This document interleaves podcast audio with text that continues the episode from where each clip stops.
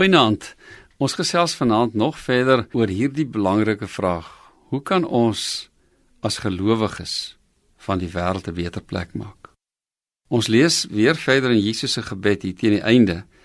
Hier bid Jesus 'n baie belangrike ding wat ons moet verstaan. Ek bid egter nie net vir hulle nie, maar ook vir die wat deur hulle woorde tot geloof sal kom. Ek bid dat hulle almal een mag wees net soos u Vader in my is en ek in u.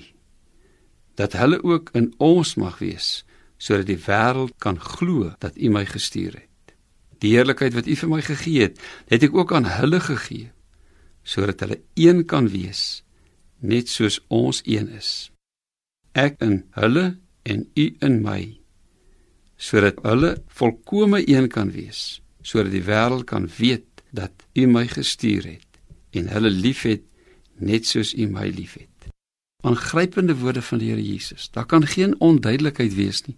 Hy sê ons as gelowiges het mekaar nodig. Ons moet mekaar se hande vashou, maar veral as ons in die wêreld ingaan.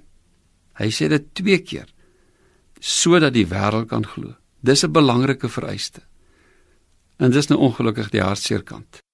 Die kerk het nie 'n mooi verhaal. Gelowiges is dikwels baie verskeurd en verdeeld in konflik. Dit verswak ons getuienis.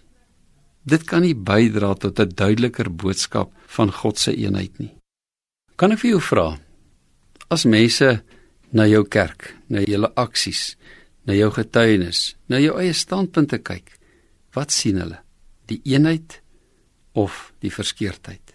Ek weet dit is nie so eenvoudig nie. Dis ernstige sake waaroor ons soms verskil, maar Die Here verwag nie van ons om eeners te wees nie. Dis tog duidelik, hy het ons verskillend gemaak, maar ons kan nie wegkom dat ons eens gesind moet wees nie.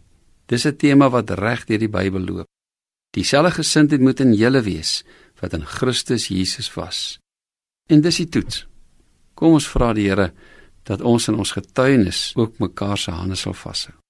Here ons God, daar is baie misverstande. Daar's baie standpunte Maar Gees van God, help ons om die liefde van Jesus Christus in ons lewens te vorm, so in ons gesprekke en ons verskille in te weef dat dit die boodskap is wat die wêreld na U toe sal trek in Jesus se naam. Amen.